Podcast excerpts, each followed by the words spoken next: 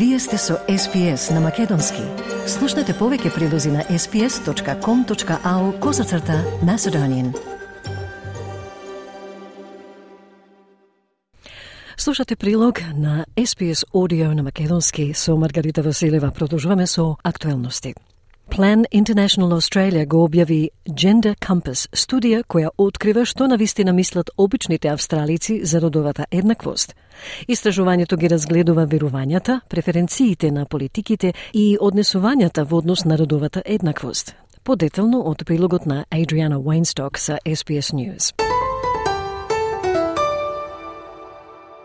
Што значи родова еднаквост во Австралија? Тоа е прашањето што Plan International Australia го разгледа во Gender Compass – Нов извештај кој открива голем број клучни верувања, политички преференции и однесувања во однос на родовата еднаквост. Сюзан Легина, извршен директор на Plan International Australia, вели дека австралиците се поделени. Вистинскиот чекор беше тоа што имаше речиси универзална поддршка за родово еднакво обштество, при што 90% од австралиците изјавија дека мажите и жените треба да имаат исти права и можности, вели Легина. Таа вели има несогласување во австралиското општество за тоа што точно представува родова еднаквост или нееднаквост и колку далеко треба да одиме за да го постигнеме тоа. Скоро ист дел од австралиците веруваат дека еднаквоста за жените отишла предалеку и веруваат дека еднаквоста меѓу половите е вознемирувачко прашање. Исто така има голема група во средината која има мешани чувства и ставови околу ова прашање, вели Легина. The real takeaway was that there is almost universal support for gender equal society with 90% of Australians reporting that men and women should have the same rights and opportunities. But on the but what also was revealed was the sheer amount of confusion, ambivalence, and disagreement there is also in Australian society about what exactly constitutes gender equality or inequality and how far we have to go to achieving it. Nearly the same proportion of Australians believe equality for women has gone too far as believe that equality between genders is a dire issue. And then there's a big group in the middle many of whom we're not really talking to very effectively, who um, have mixed feelings and mixed um, attitudes around this issue. Податоците се генерирани од онлайн анкета на повеќе од 2500 австралици на возраст од помеѓу 16 и повеќе години. Беа поставени 11 прашања кои се фокусираа на факти за родовата еднаквост, лични искуства за влијанијата на родот и интерес за преземање активности за родовите прашања. Се појавија голем број клучни категории на верувања.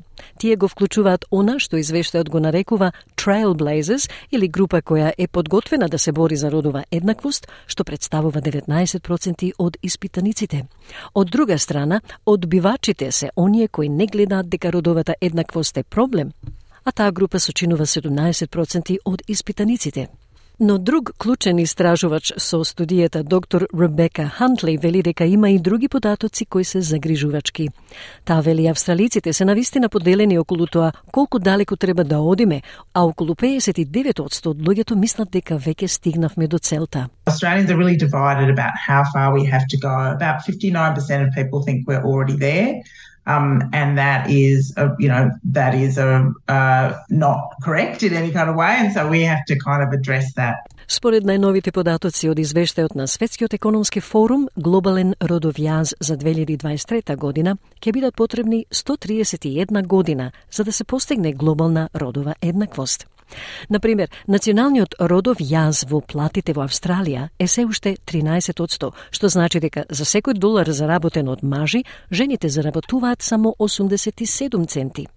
И покрај тоа, извештајот Plan International Australia покажува дека 58% од испитаниците веруваат дека некои работни места природно им одговарат на мажите, а други природно им одговарат на жените.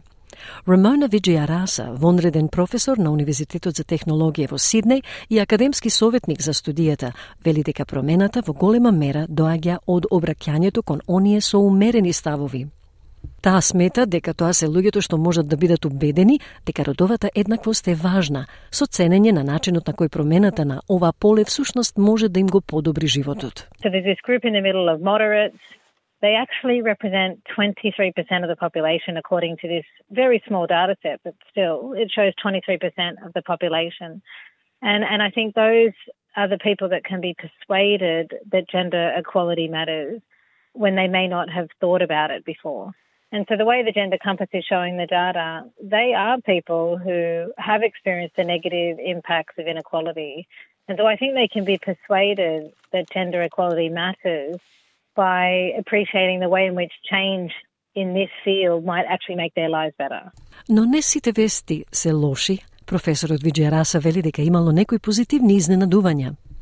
Например, овде има многу информации за тоа што мислат луѓето за одредени прашања и според тие податоци, 80% од анкетираните луѓе мислат дека медицинските истражувања треба да покажат дека треба да се фокусираат на женското здравје исто колку и на машкото, што таа смета е многу позитивно. But there's also some really positive statistics in the data that I found pleasantly surprising. So, for example, there's a lot of information in here about what people think about certain issues. And according to that data, for example, 80% of people surveyed think medical research should, show, should focus on female health as much as male health. You know, I think that's very positive. 79% think domestic work should be shared equally in an adult household. That's surprising to me, and I think that's also really great. Plan International Australia се надева дека нивниот извештај ќе помогне да се информираат кампањите за информирање на јавноста, кои ќе помогнат да се променат ставовите и однесувањата за родовата еднаквост. Професорот Виджеја Раса вели дека ова ќе има големо влијание на владините политики. Меѓутоа, според нејзино мислење, промената треба да се случи на ниво на политика и законодавство.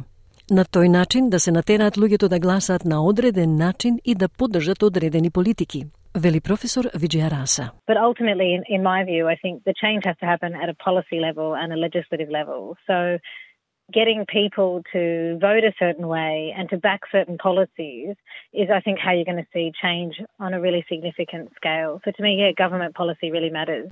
Господјата Легина вели дека нема повеќе време за губење. Немаме 131 година за чекање. На прашањата поставени до незиниот тим како да ја забрзат промената за родова еднаквост, со кого треба да се разговара и како да се разговара со нив, излегува дека немаат одговор на тоа прашање. Така, ова уникатно истражување, смета господјата Легина, е неверојатна алатка, која на вистина може да помогне не само да се поставуваат прашања, туку и да се праша секој што е загрижен за ова прашање, и во Австралија, и во светот, вели таа. Од прилогот на Адриана Уенсток за SBS News.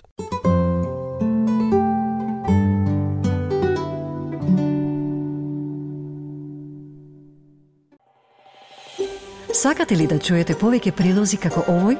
Слушате подкаст преку Apple Podcasts, Google Podcasts, Spotify или од каде и да ги добивате вашите подкасти.